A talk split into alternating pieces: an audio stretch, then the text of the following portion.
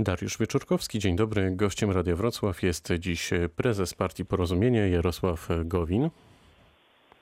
Dzień dobry, witam serdecznie.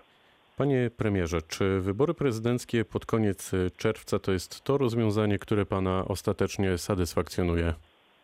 Moim zdaniem dla nas wszystkich byłoby lepiej, aby wybory zostały odłożone o dwa lata, kiedy epidemia prawdopodobnie będzie już tylko koszmarnym y, wspomnieniem. Ale wypracowaliśmy pewien kompromis, mówię zarówno o obozie Zjednoczonej Prawicy, jak i o mm, kompromisie między obozem rządowym a opozycją.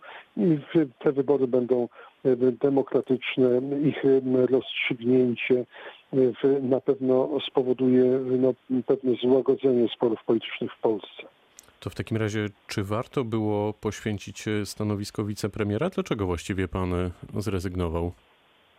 Wiedziałem, że 10 maja wybory nie mogą się odbyć, bo y, Senat na pewno przetrzyma 30 dni ustawę o głosowaniu korespondencyjnym, a potem po prostu zabraknie czasu. Każdy inny termin majowy był już niezgodny mm, z konstytucją. Gdyby wybory odbyły się wtedy, y, ich wyniki byłyby bardzo szeroko kwestionowane, zarówno w Polsce, jak i y, za granicą. Mielibyśmy do czynienia z wieloletnim kryzysem konstytucyjno-ustrojowym. Nie mogłem do tego dopuścić, stąd moja e, dymisja, ale cieszę się, że e, do wyborów dojdzie w, w czerwcu, e, że będą to wybory w pełni demokratyczne, a ich wyniku nikt nie będzie podważał. Jak w takim razie tłumaczyć właściwie słowa niektórych przedstawicieli władzy o tym, że to opozycja odpowiada za to, że wybory się nie odbyły na początku maja? Co by pan powiedział w tej sprawie swoim niektórym kolegom z rządu? Dlaczego oni przerzucają odpowiedzialność na opozycję? I już wspomniałem o tym, że zdominowany przez opozycję Senat przetrzymał projekt ustawy o głosowaniu korespondencyjnym aż 30 dni. No ale trzeba też uczciwie powiedzieć, że Senat miał do tego prawo. Nie doszło do żadnego naruszenia przepisów. Moim zdaniem wybory w maju nie odbyły się nie ze względu na decyzję e, takiego czy innego obozu politycznego, tylko po prostu rzeczywistość, e, epidemia e, przesądziła o tym, że te wybory odbyć się nie mogły. Czy w takim razie ta cała historia z terminem wyborów ostatecznie wzmocniła Zjednoczoną Prawicę? Jak pan patrzy na to z perspektywy czasu? Na pewno te wydarzenia wzmocniły standardy demokratyczne w Polsce, bo rzeczywiście gdyby do wyborów doszło w, w maju, duża część społeczeństwa by te wybory zbojkotowała, to mielibyśmy do czynienia, tak jak wspomniałem, z wieloletnim kryzysem. Co do stabilności obozu Zjednoczonej Prawicy, jestem spokojny, mamy wspólne cele. Pierwszy to zwycięstwo Andrzeja Dudy, następny to dobre rządzenie, wyprowadzanie Polski z kryzysu do roku 2023 i te wspólne cele na pewno uda nam się zrealizować. Czy po wyborach e, prezydenckich powinno dojść e, do zmian w rządzie, do małej rekonstrukcji? E, to jest pytanie przede wszystkim do premiera.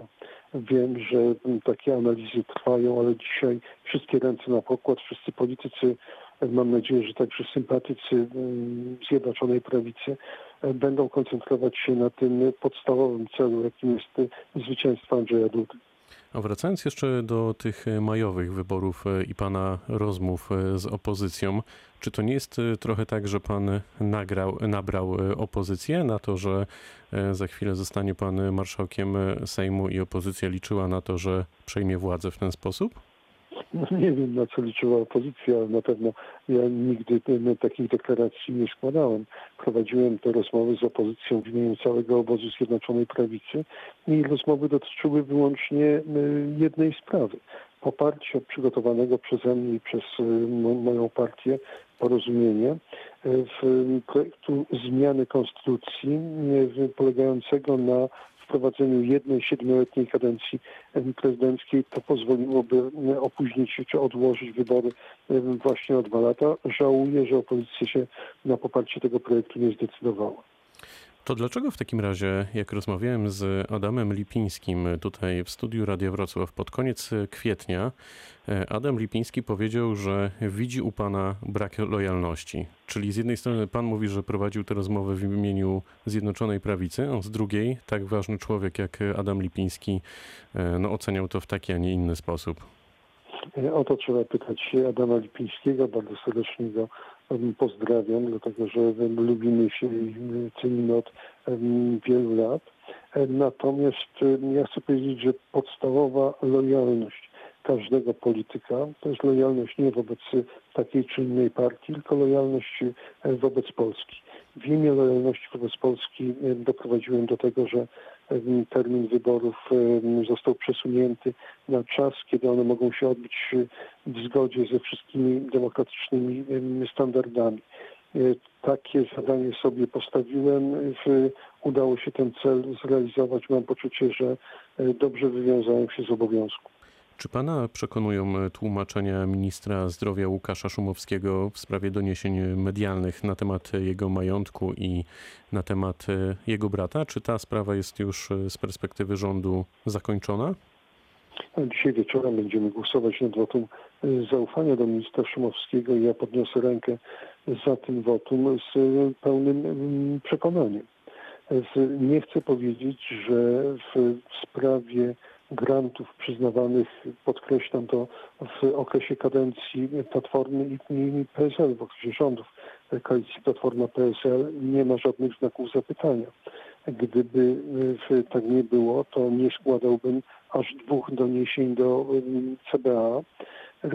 W, niektórych z tych doniesień pojawiają się spółki, w których udziały miał ma brat pana ministra Szumowskiego. Natomiast jeżeli chodzi o samego Łukasza Szumowskiego, jestem głęboko przekonany o jego bezwzględnej uczciwości.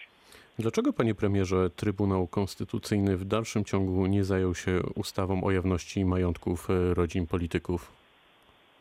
Trudno mi y, wypowiadać się w imieniu sędziów Trybunału Konstytucyjnego. On powinien być instytucją z definicji niezależną od jakichkolwiek e, presji. A jest taką instytucją w Pana ocenie? W mojej ocenie był i jest.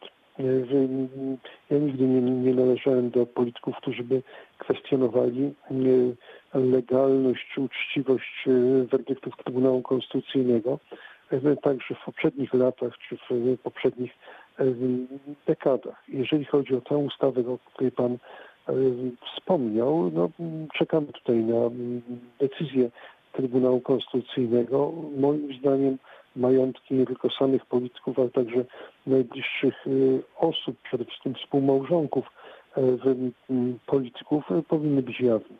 Kto jest najgroźniejszym rywalem dla prezydenta Andrzeja Dudy? No jest rzeczą bezdyskusyjną, że jeżeli dojdzie do drugiej tury, a wszystko na to wskazuje, że tak, to w tej drugiej turze znajdzie się Rafał Trzaskowski.